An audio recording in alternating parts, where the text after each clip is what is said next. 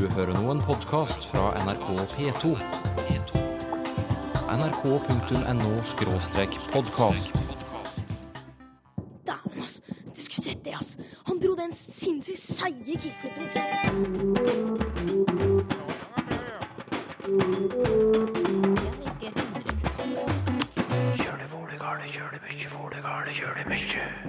Grønland har et av verdens vanskeligste språk. Noen ord bøyes på 700 måter, og ikke alle lydene er like enkle. Altså den her spesielle uh, ku-lyd, ra, ra, ra, ra, og som foregår nede i halsen. Så man skal sånn uh, uh, Altså Her hjemme liker vi å tro at stedsnavnene våre er unikt norske. Men de kan like gjerne være hentet fra den store verden. Og kalvarium det betyr jo da rett og slett eh, hovedskalle, altså hodeskalle. Og eh, det er latinsk omsetning av det arameiske, hebraiske Golgata. Så, Oi, der mistet du noe, Sylfest Lommer. ja, hansken er kasta. Kastet du hansken din? Ta hansken opp. Skal jeg Kan du ikke ta den opp selv, da? Hvis du leter vera, Ja, hva ville skje da? da var du feig. Hva? Du, det her kommer vi tilbake til, altså. Mot slutten av sendingen. Er norske gatenavn og stedsnavn egentlig unikt norske? Nei, norske stedsnavn er ikke så spesielle som vi tror. Det sier språkforsker Gunstein Akselberg, som i vår ga ut en bok om stedsnavn i Hordaland. Og Akselberg, ved siden av å presentere en mengde navn fra fylket ditt, så løfter du altså blikket og ser utover landegrensene på leting etter sammenhenger som kan forklare hvorfor Bergen heter Bergen, eller hvorfor Kalfaret heter Kalfaret, og hva finner du? Det som er interessant når en eh, ser på norske stadnavn i eh, en større språklig og kulturell eh, kontekst, det er jo nettopp at mye av det språkstoffet som navnet er sett sammen av, som jeg liker å kalle for byggeklossene, de har vi ofte fått ifra andre kulturer, ifra andre land, og kanskje ifra andre historiske perioder. Ja, du, du bruker en, en sånn byggeklossmetafor for å forklare dette. Hvordan er den metaforen? Ja, ja nei, altså jeg tenker at uh, hvis vi ser eh, på måten navn er sett sammen på, altså stadnavn, gatenavn og, og, og sånn, så er jo de som regel sett sammen av flere ledd. Og disse leddene de kan vi tenke oss utgjør byggeklosser. Og eh, da kan vi sammenligne med sånn byggeklossøsje da, som ungene har. Så jeg tenker meg at vi kan ha to sånne kasser. Det ene det er ei kasse da med enkeltord som da kan settes sammen. Og den andre det er ei kasse med ferdige, litt lengre ord som kan gå direkte inn som et eh, ferdig navn. Nå føler jeg behov for et eksempel. Kom ja, igjen. ja. Nei, jeg tenkte det at uh, i denne her boka som vi har skrevet, som altså gjelder Hordaland, så tenkte vi kunne ta et eksempel fra Bergen på akkurat dette med byggeklossesystemet. Og det er navnet Kalfaret. Kalfaret det er altså ei eh, gate i Bergen som eh, går sånn grovt sett fra stasjonen da, og så oppover mot eh, det gamle Hansa bryggeri, som nå er flytta en halv annen plass i Bergen. Og det som er spesielt for Kalfaret, det er et gatenavn, men det er òg et bydelsnavn. Fordi at Kalfaret det blir da ofte knytta til den pene bydelen i Bergen. Men det var ordet, navnet Kalfaret. Eh, hvis en går til disse kassene, som jeg sa, så kan jeg først gå til denne kassa som da eh, er satt sammen av enkeltord. Og hvis en går på denne byggemåten, så kan en se på kalfaret som sett sammen av to sånne byggeklosser. Den ene det er altså kalv, kalv, og det andre er far, et far. En kalv, det er jo greit. Og far, det er da en sti eh, som er da laga til verbet å fare. Så et kalvfar, kalvefar, det er da en plass der det har gått dyr fram og tilbake. Men har dette noe med utenlandsk påvirkning å gjøre, eller? Ja, altså nå er det sånn at kalv, altså ordet kalv, det finner vi igjen i, eh, i flere navn. Vi finner det både i våre naboland, og vi kjenner jo òg fra engelsk. Så eh, akkurat eh, byggeklossen kalv her, den kjenner vi igjen. et far. Navnet Fara det finner vi jo igjen eh, i uh, tysk òg, altså faren. Sånn at uh, denne byggeklassen òg har et eh, internasjonalt, iallfall germansk, tilsnitt. Mm. Så i denne kassa her så har en altså disse to byggeklassene kalv og far, og begge eh, finnes da innenfor det germanske området. Og så var det det andre. Ja. Eh, fordi at en kan òg tolke dette navnet på en helt annen måte. Og da må men til den andre kassa. I den kassa der det da er ferdig sammensette ord eller navn, så er det bare til å plukke de opp. Og eh, kalfare i denne måten å se det på, eh, da blitt sett sammenheng med eh, byggeklossen kalvarium. Og kalvarium det betyr jo da rett og slett eh, hovedskalle, altså hodeskalle. Og eh, det er latinsk omsetning av det arameiske, hebraiske, Golgata i Jerusalem, Aha. som betydde det samme, altså hovedskalle. Og det var jo her Kristus da ble korsfesta. Det var nettopp på Golgata. Mm. Og grunnen til at eh, det armeiske eller hebraiske Golgata eh, ble kalla for Golgata, det er fordi at denne lokaliteten da i Jerusalem det ser ut som en hovedskalle. Og da er eh, tanken da i, her i Bergen at denne gata Kalfaret den er da en omforming av kalvarium. Og grunnen til det, det er at uh, denne gata går altså, som jeg sa, omtrent fra jernbanestasjonen. Og uh, så går den opp mot uh, Kalfartoppen. Og en har tenkt seg da at denne toppen da kan være et sånt kalvarium eller tilsvarende ei Golgate. Og eh, opp eh, dit så er det 1200 skritt, og det skal tilsvare da den lengden som eh, Kristus gikk fra Pilatus Siborg i Jerusalem og opp på Golgata. Og så har en tenkt som så at i katolsk tid i Bergen så hadde en i forbindelse med påsken en prosesjon oppover her, og derfor har denne gata da fått dette navnet. Så to ulike forklaringer, eh, egentlig. Hvilken eh, vinner? ja, det var, det var, et veldig godt spørsmål, da, fordi at dette har det stått eh, strid om i Bergen i lang, lang tid, og sånn er det fremdeles i dag. Jeg sjøl vil vel holde til denne byggeklossen med de to klossene, kalv og far. Eh, grunnen til det, det er at eh, kalvaritolkinga den er altså knytta til denne her eh, prosesjonen. Og eh, det viser seg vel, hvis en sammenligner på kalvarium ute i Europa, det fins en del sånne kalvariehøgder, så er de fra 1400-1500-tallet, 16 kanskje. Og da er vi i en periode her i Norge da, som etter hvert er reformatorisk. Og det ville vel kanskje være litt Eh, spesielt om en innførte en katolsk skikk etter, eller i forbindelse med reformasjonen. Mm. Så sånn, sånn, tenker jeg om det. For å ta tak i, i bildet med disse byggeklossene igjen. Hvordan har disse klossene da havnet i kassene hos oss her i Norge? Eh, det er to hovedgrunner til det. Det ene er det en eh, da kan kalle for folkevandring. Det at folkegrupper har flytta på seg gjennom historien. Og ved flytting så har en hatt eh, med seg eh, disse kassene eh, til nytt område. Og i tillegg til folkevandring så har en da hatt kulturkontakt opp gjennom historien. Sånn at disse kassene da, som en hadde med seg ved flytting, det er det jo blitt fulgt på med nye ord og uttrykk, f.eks. Slik at Eh, det er flere byggesteiner eh, da, når en skal bruke dem til å sette sammen eh, ord og navn i det området der en da bor. Men du, hva syns vi nordmenn egentlig om at de lokale stedsnavnene som vi er glad i, at de kanskje ikke er så erkenorske som vi gjerne vil tro? Vi er nok ikke alltid like glad for det, da, for vi vil gjerne at det skal være spesielle for vårt eh, lokalmiljø eller lokale bygd eller by. Og jeg kan ta et eksempel på dette her. Jeg fikk høre av eh, ei litt eldre dame en gang. Hun sa til meg det at eh, fordi at jeg har jo radioprogram og jeg har hatt spalte i aviser, så sier hun det at jeg er veldig glad for å høre på deg og eh, lese om det du skriver, men jeg er ikke så veldig glad når du kommer med dette her eh, internasjonale og tyske, for eksempel. At det skal være bakgrunn for eh, våre navn og ord og uttrykk og sånn. Eh, det som jeg liker, sa hun, denne dama var fra Voss, hun sa at jeg liker best det som er blitt til på Voss.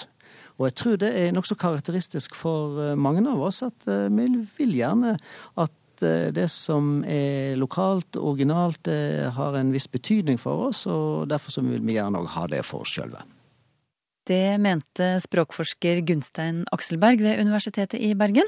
I vår ga han altså ut eh, boken Fra Bontelabo til Ånuglo. Stadnavn i Hordaland.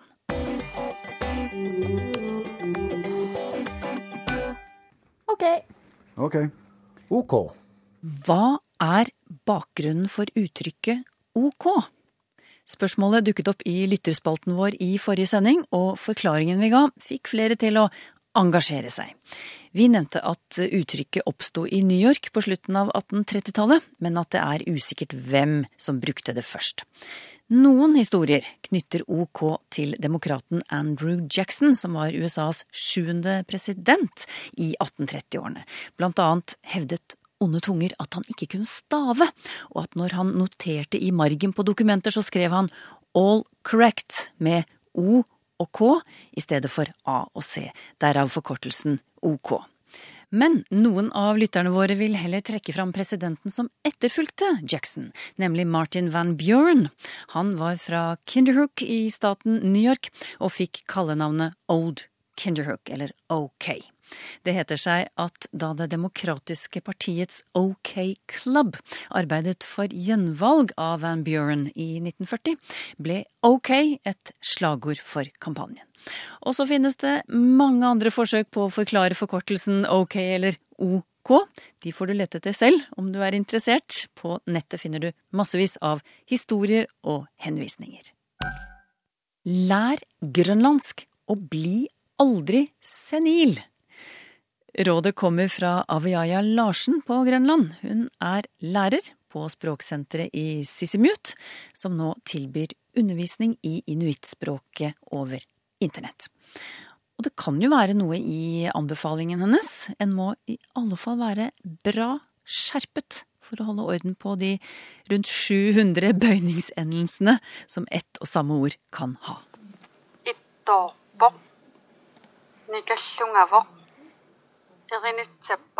Aviaja Larsen sitter ved PC-en og prøver ut språkopplegget for nettundervisning som hun har laga.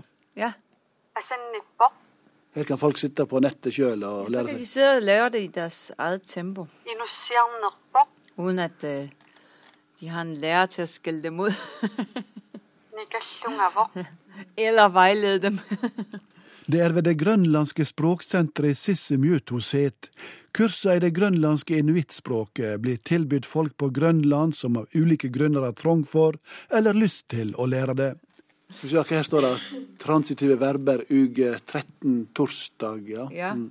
og her det er sådan en lille øvelse, hvor man, hvor man står overfor en masse moralske dilemmaer. Blant annet finnes det nordmenn på Grønland som følger slike språkkurs, og folk utenfor Grønland er like velkomne til å prøve seg på et av verdens vanskeligste språk, som likevel byr på en del ord vi drar kjensel på. Rayak, Anorak, Nanok. Anorakk og kajakk skulle være velkjente ord, også nanok, som utstyrsprodusenter har tatt i bruk. Nanok er bjørn. Og likeså ajungilak, som betyr noe sånt som OK. Ja, det er i orden. Det Det betyr betyder direkte, det er ikke dårlig'. I Norge så er det et uh, merke for en sovepose. Ja, en sovepose, ja, en Ayungilak sovepose, ja. Så det er en OK sovepose. Og ordet iglo er også vel kjent, selv om uttalen er litt annerledes enn vi er vant med. Iglo, en iglo, et hus. Og denne hl-lyden er typisk i inuittspråket. Ved sida av den klikkende k-lyden går han svært mye igjen. For eksempel i like måte illo. Altså den her spesielle uh, ku-lyd, ra, ra, ra, ra, og som foregår nede i halsen. Så man skal sådan, øh, øh. Altså, man skal nærmest sånn synke noe, eller Den er ikke så enkel å lære for de som ikke har vokst opp med det. Nei. Nei, enkelt er det på ingen måte, og derfor prøver Avjaya å friske opp fjernundervisninga med leker og spill. Forskjellige quizer og øh, Så jeg prøver å, å gjøre det litt sjovere, fordi når du hører at du kan bøye et ord på 700 måter, så vil du straks løpe skrikende vekk. Så min oppgave som lærer er å prøve å gjøre det litt morsomt. Og det at ett ord kan ha opptil 700 ulike bøyningsendinger, er faktisk tilfellet med verb, sier Aviaya. Men hvordan går det an? Jo, altså Du har jo åtte øh, otte forskjellige måter du kan bøye verbet på. For eksempel Hvis jeg løper. Fordi jeg løper. Øh, Idet jeg løper. Øh, at jeg løper. Som på grønlandsk høres slik ut. Øh.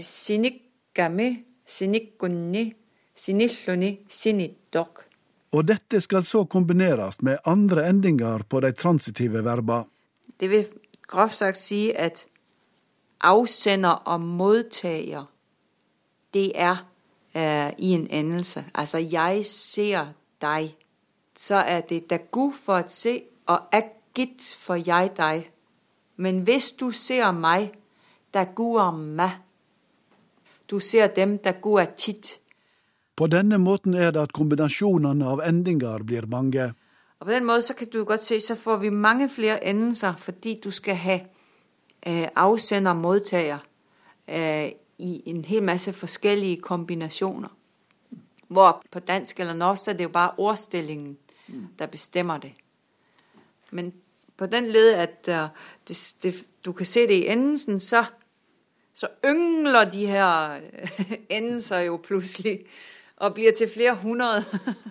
Denne måten å uttrykke tyinga på ved å henge på bøyningsendinger til ordstammer, den ene etter den andre, gjør grønlandsk til et såkalt polysyntetisk språk. Orda kan bli lange, svært lange, ja, de stiller helt i verdenstoppen. Jo, Vestgrønlandsk har verdensrekord på, på lengste ord. Det vil si at per ord i gjennomsnitt der har man 3,72 morfem. Vietnamesisk det har 1,08 morfem per år. Og Aviaya har et døme. Nalunara suarta tiljorati fissaliuler saler alua laramingork. Det var ett ord, Det var et ord. og det betyr Det sies at de ellers var godt i ferd med å snakke om å lave en forening til opprettelse av en telegrafstasjon. Og ut fra måten språket er bygd opp på, blir grønlandsk svært fleksibelt. Grønlandsk er liksom sånne legoklosser som du kan sette sammen på alle mulige måter, og så kan du få alle mulige ord ut av det. Og i orda skjuler det seg gjerne ei lita forklaring, som i ordet for potet. Og det hedder på grønlandsk 'noe man venter lenge på, øh, skal komme op. Øh, og, og noen ord forteller jo så også om den oppfattelse man har av det ordet. Eksempel et tog. Det er noe der kører uden trekkdyr. et tog. Ja, et tog. Ja, train. Ja. Så der har man jo så øh, syntes at det var imponerende, at noe kunne køre uden trekkdyr eller uden hunde. Det er dette som gjør det så enkelt å lage nye ord på språket, sier Avjaya, som alt har nevnt ordet for datamaskin. Rasasiak. Og det betyder noe der ligner en hjerne. Fleksibelt altså, men vanskelig å lære for den som ikke har det som morsmål fra barnsbein av. Det realistisk sett vil gå mange, mange år, før de nogensinde kan tale et, et flydende grønlandsk. Avjaya Larsen, med dansk far og grønlandsk mor, har lært seg språket først i voksen alder, ettersom det var dansk som rådde i heimen hennes på Grønland da hun vokste opp. Øh, Jeg har studeret det grønlandske språket, ikke uden avbrytelser, men i cirka ti år. Og jeg kan jo stadig ikke huske alle de 700 endelser. sier Avjaja Larsen ved språksenteret i Sissimut. Og til slutt kommer hun med et lite døme på kasusbøyning på grønlandsk, som i alt har åtte kasus. Altså, vi kunne ta eksempelet Oslo. Oslo Mik ved hjelp av Oslo. Eller Oslo mot til Oslo. Oslo Mi i Oslo. Oslo mitt fra Oslo. Oslo Gutt gjennom Oslo. Og Oslo Dutt som Oslo. Er det et av verdens vanskeligste språk å lære? Jamen, jeg taler, jeg taler tysk og fransk og italiensk og dansk og engelsk. Og italiensk lærte jeg på et år. Grønlandsk det taget meg ti år. og jeg kan stadigvæk ikke tale det ordentligt. det er meget dårlig reklame, det kan også være, det bare er meg, der er litt ubegavet. Men det kan jo være en utfordring å prøve. Ja, ja, og, det, og man sier jo også, at jo flere språk man kan, jo, øh, jo mindre sjanse er der for, at man blir senil. Så lær grønlandsk og bli aldri senil. Det, det er mitt gode råd. Og den oppfordringen kom fra språklærer og eskimolog Aviaya Larsen. Det var reporter Magnar Branseth som hadde møtt henne på Grønland. Lytterne er stadig like ivrige til å sende oss språkspørsmål, Sylfest Lomme. På Twitter, eksempel, etterlyser Barbro Grude Eikseth bakgrunnen for uttrykket sju lange og sju breie. For det første så er jo dette et uttrykk. Sju lange og sju breie. Det, alle som har hørt eventyr da de var små, kjenner igjen dette uttrykket. Så det er typisk eventyruttrykk. Men hvorfor har tallet sju en spesiell status og bruk i vårt språk og i mange andre språk? Jau, det er rett og slett fordi at det er en urgammal tanke at det er noe spesielt med tallet sju. Vi har det i kristendommen, og vi har det i jødedommen, men det er verken kristendommen eller jødedommen som virkelig har, er opphavet til den bruken. De igjen bygger på urgamle forestillinger som vi kan spore tilbake til Babylon, altså dagens Irak. De hadde tallsystem, og tallet sju fikk veldig tidlig en helt spesiell status. Men hvorfor tallet sju fikk dette i opphavet, et spesielt tall, det, det kan jeg ikke svare på. Vi kan bare spore bruken av tallet sju på den måten langt, langt, langt tilbake. Det fortaper seg i historiens mørker, rett og slett. Så vi har lukka med sju segl, vi har i den sjuende himmelen, vi har sju lange og sju breie, vi har sju dager. I det heile teke. Det spiller en sentral rolle i den vestlige mytologien. Stian Skålevik forteller at de er en liten gjeng på jobb som har diskutert uttrykket 'hansken er kastet'. Hvor kommer uttrykket fra, lurer de på, og hva betyr det? Når det gjelder tyinga, så vil mange vite at hvis du kaster hansken, da utfordrer du noen. Så, nå har jeg sagt det. Hansken er kasta, og så, ja. Ikke sant? Og da er vi på sporet av opphavet, fordi at dette går tilbake til mellomalderen. Vi kan tenke oss to som var i strid med hverandre, og så kom den ene og kasta hansken framfor den andre. Da utfordra han den andre til duell. Og det betyr duell på liv og død. Og da hadde den som fikk hansken kasta framfor seg, bare ett av to å gjøre. Enten å ta hansken opp, og da godtok du å duellere.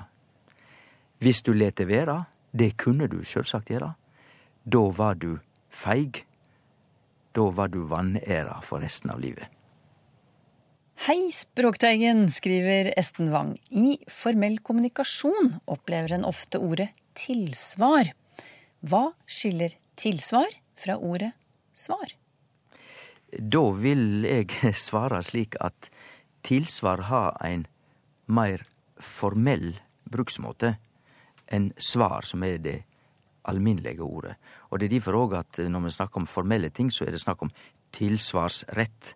Og det er viktig i ei sak, eller i journalistikken. Så vi kan si det slik at et tilsvar, det er alltid et svar. Men det er ikke alle svar som er så formelle at de fortjener ordet tilsvar. I en e-post fra Bjarte Malkenes leser vi Jeg lurer på bruken av begrepet salg, og hvorfor dette brukes når noe selges til nedsatt pris. Hvis jeg går inn i en butikk og kjøper en vare eller tjeneste til ordinær pris, så har jo butikken gjort et salg da også, skriver han. Jeg skulle tro at det alltid er salg, men eh, at innimellom selges varer til en rabattert pris. Sjølsagt har Bjarte Malkenes heilt rett, for salg, eller sal på nynorsk, er jo å selge, men vi veit jo alle at det betyr at da kan du kjøpe noe som er veldig billig. Så det er en spesiell bruk av ordet, men dette er ikke noe som er bare gjeld sal. Vi har det i andre sammenheng også. Eh, når vi har en marsj, så vil jo mange forstå at da kan det bety musikk med gåtakt. Så det er ikke bare snakk om å gå, men det er noe mer. Og enda tydeligere når vi sier at noe skal ha kvalitet, så er det virkelig helt på linje med sal. Fordi at kvalitet betyr ikke det vi tror. Eh, når vi sier at noe skal ha kvalitet, så mener vi god kvalitet, sjølsagt. Men ordet kvalitet, som kommer fra latin, betyr bare eigenskap. Men når vi bruker det i norsk i dag, så underforstår vi god eigenskap. Peter Andreas Kjelsberg han etterlyser bakgrunnen for uttrykket 'rant meg i hu'. På trøndersk sier vi 'kjem i hau', skriver han. Men det har vel ingenting med hodet å gjøre? At noe skulle komme inn i hodet slik at man husket noe? Nei, det er fort gjort å tro at dette kanskje har med hodet å gjøre, men det er nok det som vi alle kjenner igjen som hugen. Å komme i hug med G noe. Altså å rant meg i hu på eh, vanlig norsk vil renne i hugen. Rant meg i hu har vi jo sikkert fra dansk og slik. Så uh, hug er bare et ord for tanke eller sinn. Har du spørsmål til Språkteigen? Skriv til Teigen, krøllalfa nrk.no, eller til Språkteigen, NRK P2, 7005, Trondheim. Så finner du oss også på Twitter og på Facebook. Dette var et gjenhør med Språkteigen fra juni i fjor. Men neste gang blir det bare ferskt stoff. Annet om hvordan språket spiller en avgjørende rolle i matteundervisningen på skolen. Den matematiske samtalen om en uke.